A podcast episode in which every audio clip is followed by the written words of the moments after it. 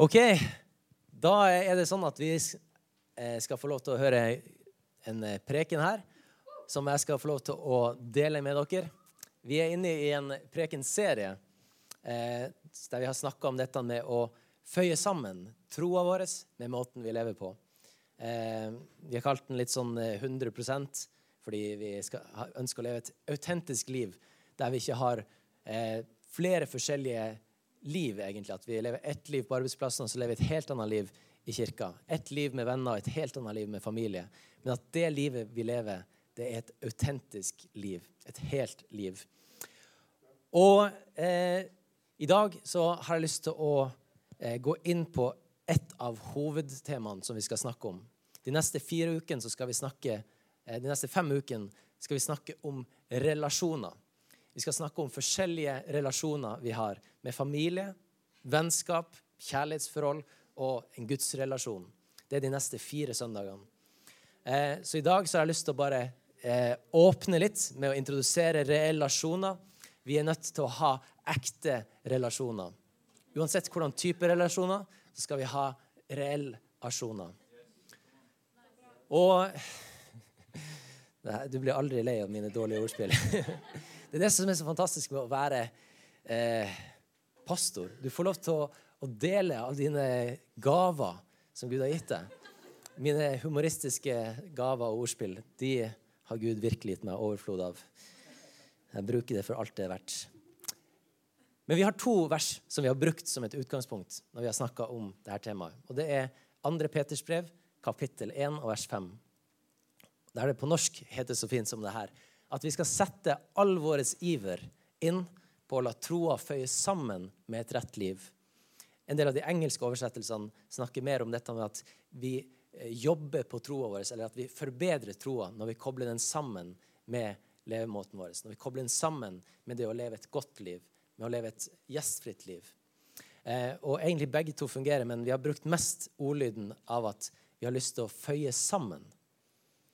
Vi blir sliten hvis vi hele tida jobber for å holde ting adskilt. Hvis vi hele tida jobber for å sørge for at de forskjellige delene av livet vårt ikke møtes. Hvis du prøver å holde familien helt unna vennene dine, så vil du hele tida være på vakt for å passe på at ikke de her verdenene møtes. At ikke de her to eh, forskjellige sfærene eller arenaene møtes. Men vet du hva? Du kommer til å bli sliten. Det som er godt å vite, det er at vi er kalt til å leve ett helt liv. Et autentisk liv der vi er oss sjøl, både med familie, med venner, med de vi elsker, og også innenfor Gud. Og i Galaterbrevet 5.25 så skriver Paulus det her med at hvis vi lever ved Ånden, altså hvis vi har Guds ånd i oss, er kristne, er etterfølgere av Jesus, så la oss også vandre i Ånden. Her snakker han om å vandre på linje med, egentlig. At vi setter oss et mål om at vi ønsker å følge Guds ord. Vi ønsker å gå på linje med det. Og hvis vi skal være i stand til å gjøre det, hvis vi skal faktisk ha mulighet til å kunne leve et sånn liv som vi snakker om, et, et rett liv, som Peter kalte det, så er det flere ting som må skje. Det ene er at vi må vite hva Guds ord sier. Vi må kjenne ordet. Og vi må også være i en, i en tilstand eller ta til oss det som gjør at vi faktisk kan leve det ut. Jeg har brukt eksempler med eh, eh, sånne tester når de stopper fyllekjørere og skal få dem til å gå på ei rett linje. Og Da ser man at pga. det som de har tatt inn i livet sitt, pga. det de har tatt til seg, så blir det vanskelig for dem å gå på den linja som de er ment til å gå på. Det samme gjelder for oss åndelig sett. Eh, at hvis vi tar til oss ting som gjør det vanskelig for oss å leve etter Guds ord, så må vi evaluere og tenke gjennom hva er det egentlig jeg fyller livet mitt med? Hva er det jeg fyller hodet mitt med? Hva er det slags tanker jeg tar til meg? Hvem er det jeg lytter til? Og når vi gjør denne evalueringa, så finner vi ut at OK, jeg ser at frukten av å lytte på denne type undervisning, den gjør at jeg blir et sånn her menneske. La meg si det her. Hvis du hører på undervisning fra Guds ord som gjør deg sint, som gjør deg sur, som frukten av det er at du blir et bittert menneske, OK, evaluer hva det er du tar til deg. frukten avslører om det er sunt. Et, et sunt og godt tre som har friskt vann som renner i seg, skaper ikke sur, muggen frukt. Derfor må vi tørre å evaluere oss av og til. Og denne serien handler om nettopp dette. Å se på frukten av livet vårt. Yes. Men Det er alltid et men. For når vi her blir konkrete i undervisninga, så, så, er det sånn at eh, vi har både, vi er oss som er samla her inne, så har vi også en, en podkast som det her blir lagt ut på etterpå. Og eh, også en stream som, eh, som, folk kan følge. Og det gjør at når jeg står her og underviser, så risikerer jeg å formidle noe som får deg til å bygge et hus uten ordentlig grunnmur. Og hva mener jeg med det? Det er nettopp det at du trenger å få hele budskapet. Du trenger å få med deg alt. Det er ikke, det er ikke en liten oppgave du har her. Salme 119 sier at summen av Guds ord er sannhet. Det står ikke at det ene verset som du leste i går kveld, er sannhet. Det står at summen av Guds ord er sannhet. Og her om dagen så var jeg ute på jobbreise i Storfjord. Og, og jeg satt ute og tok en kaffekopp så kom det en postbil og parkerte foran meg. Eh, og åpna sidedøra si. Og der og da så jeg noe som jeg tenkte Wow, det der er en god, er en god preken. Eh, posten parkerer her og formidler et budskap der den bare forkynner ut til alle folk at ingen kjenner Norge. Halleluja! Ingen kjenner Norge! Yes! Det er Posten sitt slagord. Men er det egentlig det? Nei, det er jo ikke det, fordi bak denne døra så står det jo 'bedre'. Så det, det, de egentlig vil si, det er at ingen kjenner Norge bedre. Bruk Posten. Vi kjenner Norge. Det er jo det de sier. Men fordi vi bare får halve budskapet, fordi vi gikk glipp av det som sto bak døra, skal jeg si du gikk glipp av de to forrige søndagene. Altså står jeg i fare for å formidle at ingen kjenner Norge bedre her i dag. Derfor trenger vi hele budskapet. Meg, jeg jeg må advare også. Det kom, det var, jeg, da jeg så der, så husker jeg at jeg har sett noe lignende før. Det er litt sånn stygt, så det er ikke helt passende alltid. Men vi kjører på. Vi har et par bilder til. Hits, radio. Når du åpner døra, så blir det shit. Jeg lurer på de som, eh, de som eh, sto bak denne eh, promoteringa, hva de tenkte på. Ha én til. Den er litt bedre. Ass Doctor. Det er Glass Doctor. Men det, de står at 'We fix your pains'. Så det fungerer sånn også.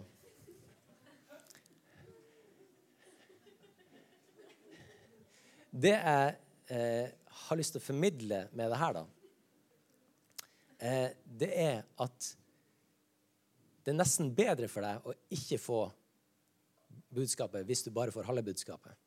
Et halvt budskap er nesten verre enn ingen budskap. Og eh, i vår, når vi snakka om disippelskap, så brukte jeg en illustrasjon om et hus. og Den kan vi også ta opp, for den formidler noe av det samme. Når Paulus skriver til Efeserkirka, kirka i Efesos, så starter han med å bygge en grunnmur i undervisninga si. Han bruker tre kapittel på å fortelle dem om Guds nåde, at vi er gjort rettferdig. Jesus har tatt på seg vår synd. Han har dødd for vår skyld. Vi er gjort rettferdig bare pga. Jesu død, ikke fordi vi sjøl er så gode og får det til. Fordi vi er syndere som feiler i å nå opp til Guds standard. Men Guds nåde har favna om oss. Amen. Og når han har gjort det i tre kapittel, ok, da har han lagt et fundament. Da går han videre til å bli konkret, sånn som vi snakker om nå. At han kommer med noen formaninger, noen oppmuntringer, noen veiledninger å rette på. Måten de lever livet sitt på. Så hvis du kommer inn her i dag og bare tar til deg det som vi snakker om, måten å leve livet på, men du ikke forstår at vi bygger det her på et fundament av Guds nåde og rettferdighet Hvis du ikke har tatt imot Jesus som frelser i ditt liv, så lukk ørene for resten av gudstjenesten her, bortsett fra hvis du har lyst til å ta imot Jesus som herre og frelser i ditt liv, for da bør du ha virkelig ørene åpne. Fordi det vi trenger, er summen av Guds ord. Vi trenger å få et helt bilde. Eller så kan det bli veldig stygt, som vi så på de bilene. Og til slutt så oppfordrer Paulus oss til å bli stående i det. Så hva er det her fundamentet da som vi trenger for å forstå hvordan vi skal koble sammen tro og relasjoner? Du vet, evangeliet, det som vi som kirke og forkynnere er kalt til å formidle hver eneste søndag, det er nettopp det at Jesus Kristus, Guds sønn, han ga sitt eget liv. Gud elska verden, hvert enkelt menneske, så høyt at han ga Jesus, sin sønn. Jesus gikk med på det. Jesus sa, 'La din vilje skje, far'. Og Jesus ga sitt liv for oss. Så vi kan si det sånn her at, at eh, Guds nåde, den er gratis for oss. Du trenger ikke betale for å ta imot Guds nåde her i dag. Den er fullstendig gratis. De som tar betalt for Guds nåde, de er falske forkynnere. De, de driver bad business. Men vet du hva?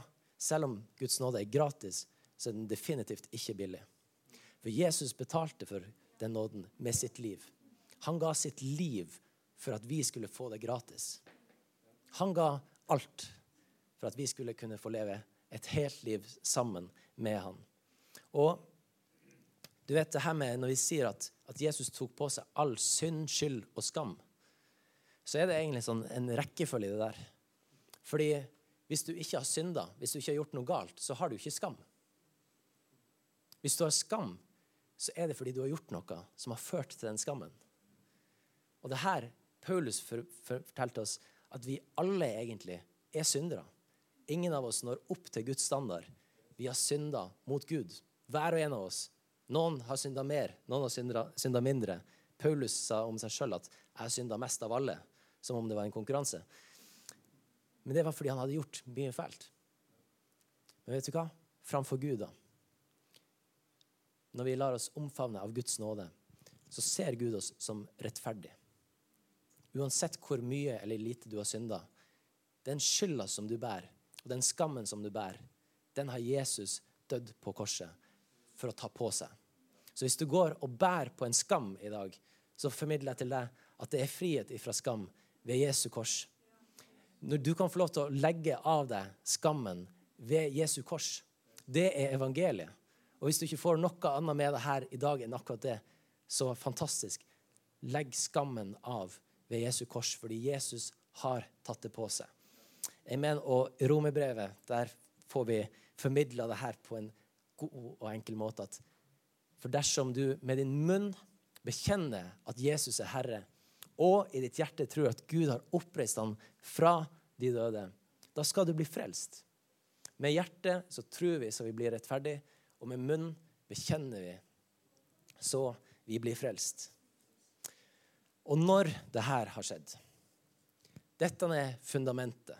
Nå har vi brukt eh, god tid på å slette ut bakken og eh, avrette masse betonger, sånn at det skal være godt å bygge på. Og hva skjer da? Jo, da ser vi i Filippebrevet kapittel 2 at det er Gud som er virksom i oss. Det er Guds ånd i oss som vil hjelpe oss til å leve på en riktig måte. Vi må starte der. Vi starter ikke med veggene før fundamentet er lagt. Men når vi har fått Guds ånd i oss, når vi har tatt imot Jesus som Herre og Frelser, ok, da starter en prosess i oss. Og Gud, Guds ånd i oss drar oss til å ønske å gjøre det som er etter Guds vilje. Så der er vi i dag. At vi har tatt imot Jesus som Herre og Frelser, og Guds ånd i oss den begynner å banke og sier OK, nå har du lagt et fundament. Du, du bruker ikke 100 år på å legge et fundament. Når du har lagt et fundament, så er du klar til å begynne å bygge på det. Og Jesus sier det her i Johannes evangelium kapittel 15. Så sier han det her til disiplene sine, vers 12, 13 og 17. Dette er mitt bud. Dere skal elske hverandre som jeg har elska dere. Ingen har større kjærlighet enn den som gir sitt liv, enn den som gir livet sitt for vennene sine. Dette er mitt bud til dere. Elsk hverandre. Så enkle ord, allikevel så ufattelig store og komplekse ord. Men kanskje prøve å gjøre det litt for komplekst av og til. Liksom. Ja, Hva mener han med, egentlig med 'elske'? Hva er det greske ordet for det? Ja, Mente han egentlig det hebraiske 'elske'? Der liksom, nei, vi kan være litt sånn kinkige. Nei, vet du hva? Når Jesus formidler det her, så er han oppriktig og rett fram og sier 'elsk hverandre'. Vær god mot hverandre. Han oppfordrer oss til å bære byrdene for hverandre. Å være et fellesskap som tar vare på hverandre. Et fellesskap som går ei ekstra mil, som ikke bare går ei ekstra mil, som, men som gir sitt liv. Gir sitt liv for vennene sine. Det var det, det her som Jesus gjorde. Dere skal elske hverandre som jeg har elska dere. Hvordan elska Jesus oss? Vel, han ga sitt liv for sine venner. Jesus ga sitt liv for oss. Og dette er utfordrende å, å tenke på, fordi vi er ganske vant til å tenke bare på vårt eget liv. Våre egne planer. Vår egen måte å leve ut livet vårt på. Og vi tenker at ja, vi tilhører et fellesskap i, i, i Norge. Vi har kanskje norsk statsborgerskap eller kanskje statsborgerskap et annet sted. Men vi hører i hvert fall til der, og de kan vi elske. De, vi synger nasjonalsanger og er så glad i Norge. Sverige derimot, de, de har vi ikke så, så mye til overs for. Ja, mye billig mat og sånt, men, eh, men vet du hva? Når Jesus sier det her, snakker han ikke om noen landegrense. Han snakker ikke om folkegruppe. Han sier 'elsk hverandre'. Og eh, jeg delte noen tanker med, med lovsangsteamet her eh, tidligere i uka om at um, Det er vel i Kolossebrevet, tror jeg, hvis jeg husker riktig. Kan være jeg husker feil. Men han sier at elsk hverandre og alle mennesker rundt. Elsk hverandre og andre. Vi er nødt til å elske hverandre for å være i stand til å elske andre. Og eh, det er der vi er i dag når vi snakker om relasjoner. Fordi hva gjør da troa med relasjonene våre? Hvis vi har et, et fundament av Guds nåde, og at vi forstår at Jesus er radikal. Han sier at vi skal elske hverandre og gi livene våre for hverandre. Det er ganske heftig. Men troa den hjelper oss med andre ting òg. Den hjelper oss å definere forholdene våre. Jesus eh, eh, han er veldig tydelig på en del ting i forhold til at, at eh, det var kulturelle forskjeller. Det var forskjellige folk. Jøder, grekere, eh, andre men det Jesus gjorde på korset, det var at han brøyt ned en skillemur mellom folk. Og Der er vi i dag. Og i et samfunn nå som du kan se, Selv om vi er ganske eh, åpne og mottagelige for det meste, så er det ganske harde linjer også mellom folk. Som blir, eh, de blir forsterka av at vi lever i ekkokammer på sosiale medier, der vi bare eh, går rundt de som vi mener akkurat det samme som.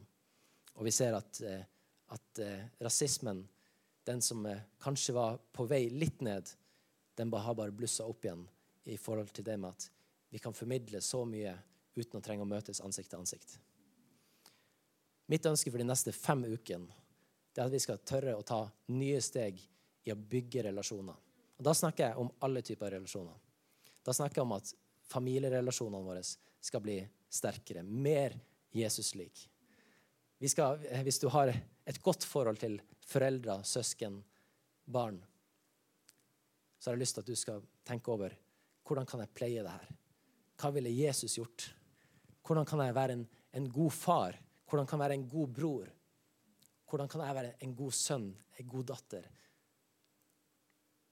Fordi troa vår har en betydning på livet vårt. Hvis ikke troa har en betydning eller en, en, no, gjør noe med livet vårt, er det, er det egentlig en tro, da? Du kan si at 'jeg tror det begynner å regne i morgen'. Hvis du bor i Bergen, så er det alltid sant. Men eh, Men tro uten gjerning, tro uten en forandra levemåte, det er egentlig bare en, en, en ting som du sier oppi her at 'ja, jeg tror'. Jeg tror. Jeg tror. Men vi skal jobbe det fra hodet. Eller egentlig, vi skal ikke jobbe det fra hodet og ned hjertet vårt. Motsatt vei. Den troa som vi har fått i hjertet, den skal vi få lov til å la gro ut til hele kroppen. At hendene våre begynner å spille på lag med troa vår. OK.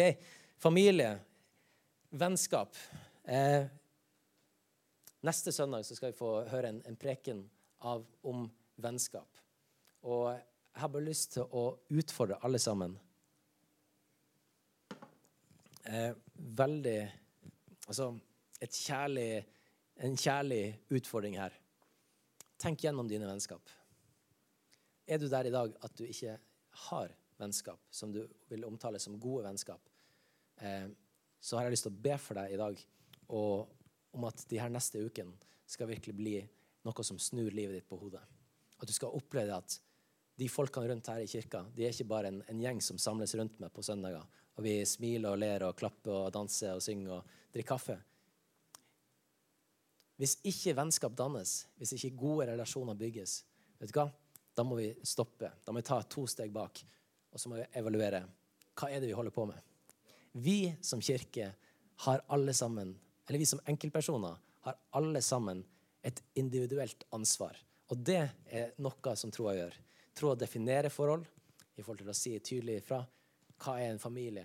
Hva er et vennskap? Hva er et ekteskap? Troa definerer de her tingene. Sette en ramme for de her tingene for at det skal være godt. Det andre er troa ansvarliggjør det. Og det er litt sånn wow, har et ansvar. Yes, du har et ansvar i alle relasjoner. Vi har forskjellige ansvar. Et barn, f.eks., av en forelder, har ikke ansvar for at det skal stå mat på bordet. Et barn har ikke et ansvar for å forsørge sine foreldre. Når årene går, og det barnet blir voksent og foreldrene blir eldre, da snur de her tingene. Men vi snakker om et barn i, altså under, under myndig alder. Et barn har ikke det samme ansvaret som en forelder. Og dette er ting som vi kommer til å gå ganske, ganske tydelig inn på. Hvordan vi kan være gode barn. Hvordan kan vi være gode foreldre og gode søsken? For troa ansvarliggjør det. Og da har jeg lyst til å ta opp Galaterbrevet kapittel 6, 1-2. Der står det at mine søsken, hvis en av dere blir grepet i et feiltrinn, må dere som har ånden, hjelpe ham til rette. Men gjør det med et ydmykt sinn, og pass deg selv, så ikke du også blir fristet. Og så bær byrdene for hverandre. Og oppfyll på den måten Kristi lov. Kristi lov elsk hverandre. Dette budet gir jeg dere. Elsk hverandre. Og så sier Paulus her, han forklarer da hva Jesus sa. Han sier for å oppfylle Kristi lov, at vi skal elske hverandre, så må vi bære byrdene for hverandre. Det betyr at vi har et ansvar. Vi som fellesskap har et ansvar for å ta vare på hverandre. Vi, når han snakker her om Hvis en blir grepet i et feiltrinn, så snakker vi om, om, synd. Og da er det ikke sånn at eh, du skal bare senke skuldrene her. Det kan høres ut som at ja, nå er du kommet inn i et storebror ser deg-samfunn, der vi følger med argusøya på og evaluere liksom, hva gjorde du i går. Hvor var du? Nei, det er ikke sånn det er. Dette er først og fremst et nådig budskap. For vi har alle feila. Vi har alle gått feiltrinn. Og det, vi vet det veldig godt sjøl. Vi har en samvittighet, og den skammen og skylda som kommer av å gjøre feil, den kjenner vi alle sammen på. Det er noe som Gud har skapt i oss, noe som Gud har lagt i oss. En samvittighet. Guds ånd som sier at Hei, Simon, du vet det godt sjøl. Det der, det var ikke riktig. Det der var ikke godt. Det du sa der, det skulle du ikke ha sagt. Og når vi er der, så er det ikke fordømmelse ifra menighetsfamilien vi trenger. Det er ikke fordømmelse ifra en pastor. Det er ikke fordømmelse fra en life-gruppeleder eller en venn.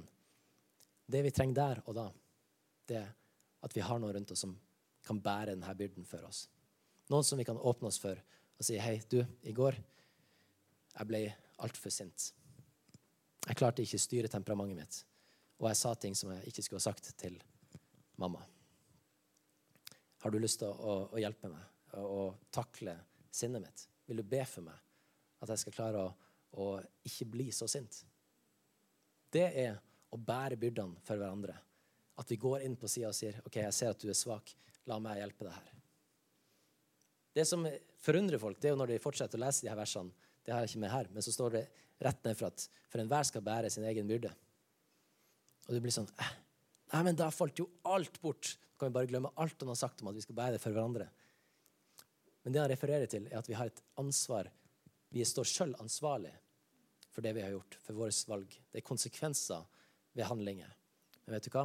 Som et fellesskap så vil vi stå sammen og bære den byrden sammen. Så troa definerer, troa ansvarliggjør deg, og troa beskytter deg. Det er noe trygt i å vite at vi er sammen som et fellesskap i troa. Eh, noe av det som mangler kanskje aller mest i samfunnet i dag, det er beskyttelse for de svake. Beskyttelse for relasjoner. For familierelasjoner er basert på, på syltynne tråder. Der man eh, sier at ja, så, lenge, så, lenge, det føles greit, så skal mamma og pappa være sammen. Men eh, kanskje i morgen så har vi ikke de samme følelsene. Så sorry, kid. Du får eh, leve livet ditt litt her og litt der. Det er ingen, ingenting som beskytter i det. Ingenting som beskytter et hjerte, ingenting som beskytter et sinn i det. Troa er der for å hjelpe oss å si hei, vi er gode venner. Om du faller, så skal jeg beskytte deg.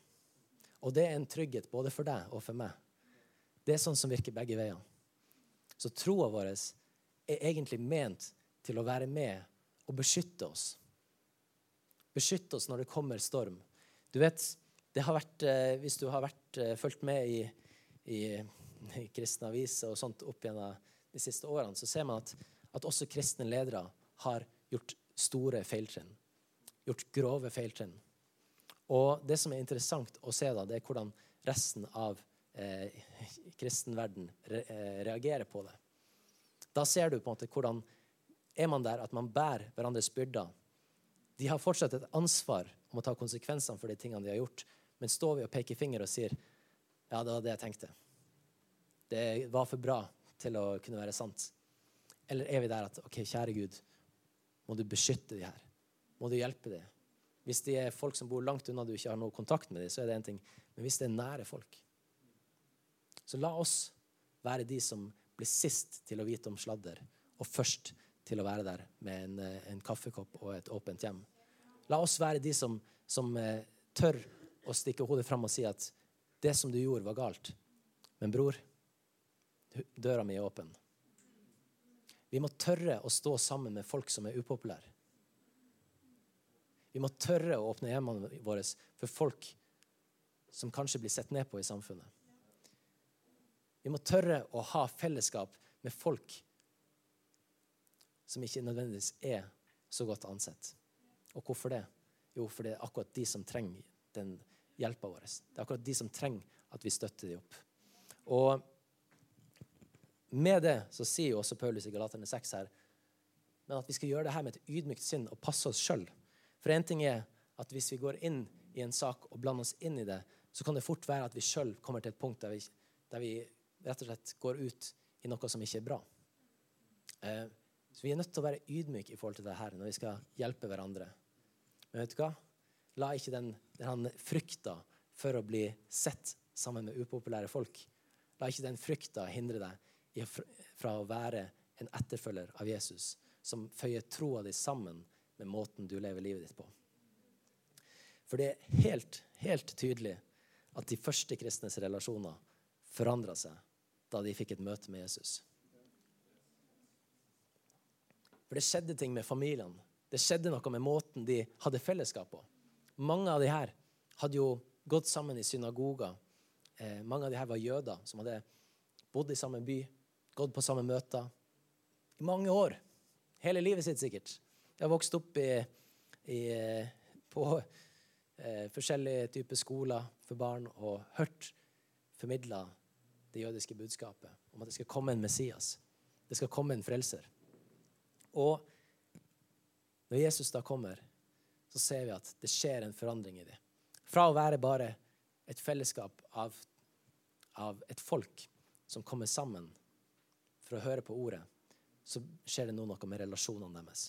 Det er som om det etableres et nytt bånd mellom dem. At nå er vi familie. Vi er ikke bare et folk, men vi er en familie. Og vi tar herved ansvar for hverandre.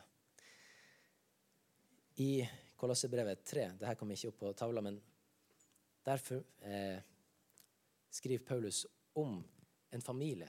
Han kaller det, det som en hustavle, egentlig. Der han formidler liksom hvordan barn, foreldre skal oppføre seg og, og i forhold til hverandre. Alt det her skriver han om at i Herren skal vi gjøre de her tingene. Barna må gjøre det her som i Herren. Og det betyr, som vi snakka om i sted, med det halve budskapet At hvis du bare får med deg halvparten av budskapet, det du skal gjøre, så vil det være som en Det vil være ganske hardt. Og den dagen det begynner å blåse, så går huset ditt ned. Men hvis du baserer levemåten din på at du er i Kristus, jeg er ikledd Jesu nåde, da er du i Herren og alle relasjonene dine. Familierelasjonene dine, vennskap, til og med datinglivet, kjærestelivet, tida som forlova, ekteskap Alle disse områdene av livet blir forvandla. Og det kommer vi til å finne ut av mer av de neste ukene.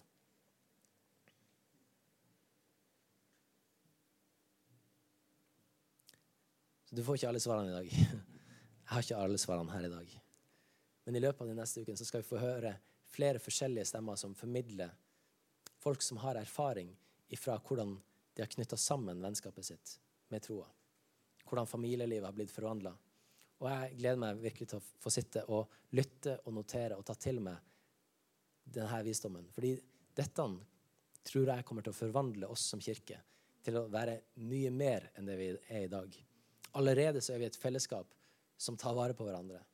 Vi, eh, vi bruker tid sammen. Vi ber for hverandre, støtter hverandre. Men vet du hva? Når vi snakker om de her tingene med relasjoner, så tror jeg vi skal få oppleve at hva? det blir bare sterkere og sterkere og sterkere. Og at det, alt kommer ut ifra et hjerte som har møtt Jesus. Som har blitt fylt av Guds ånd, og som sier at her har jeg lyst til å være.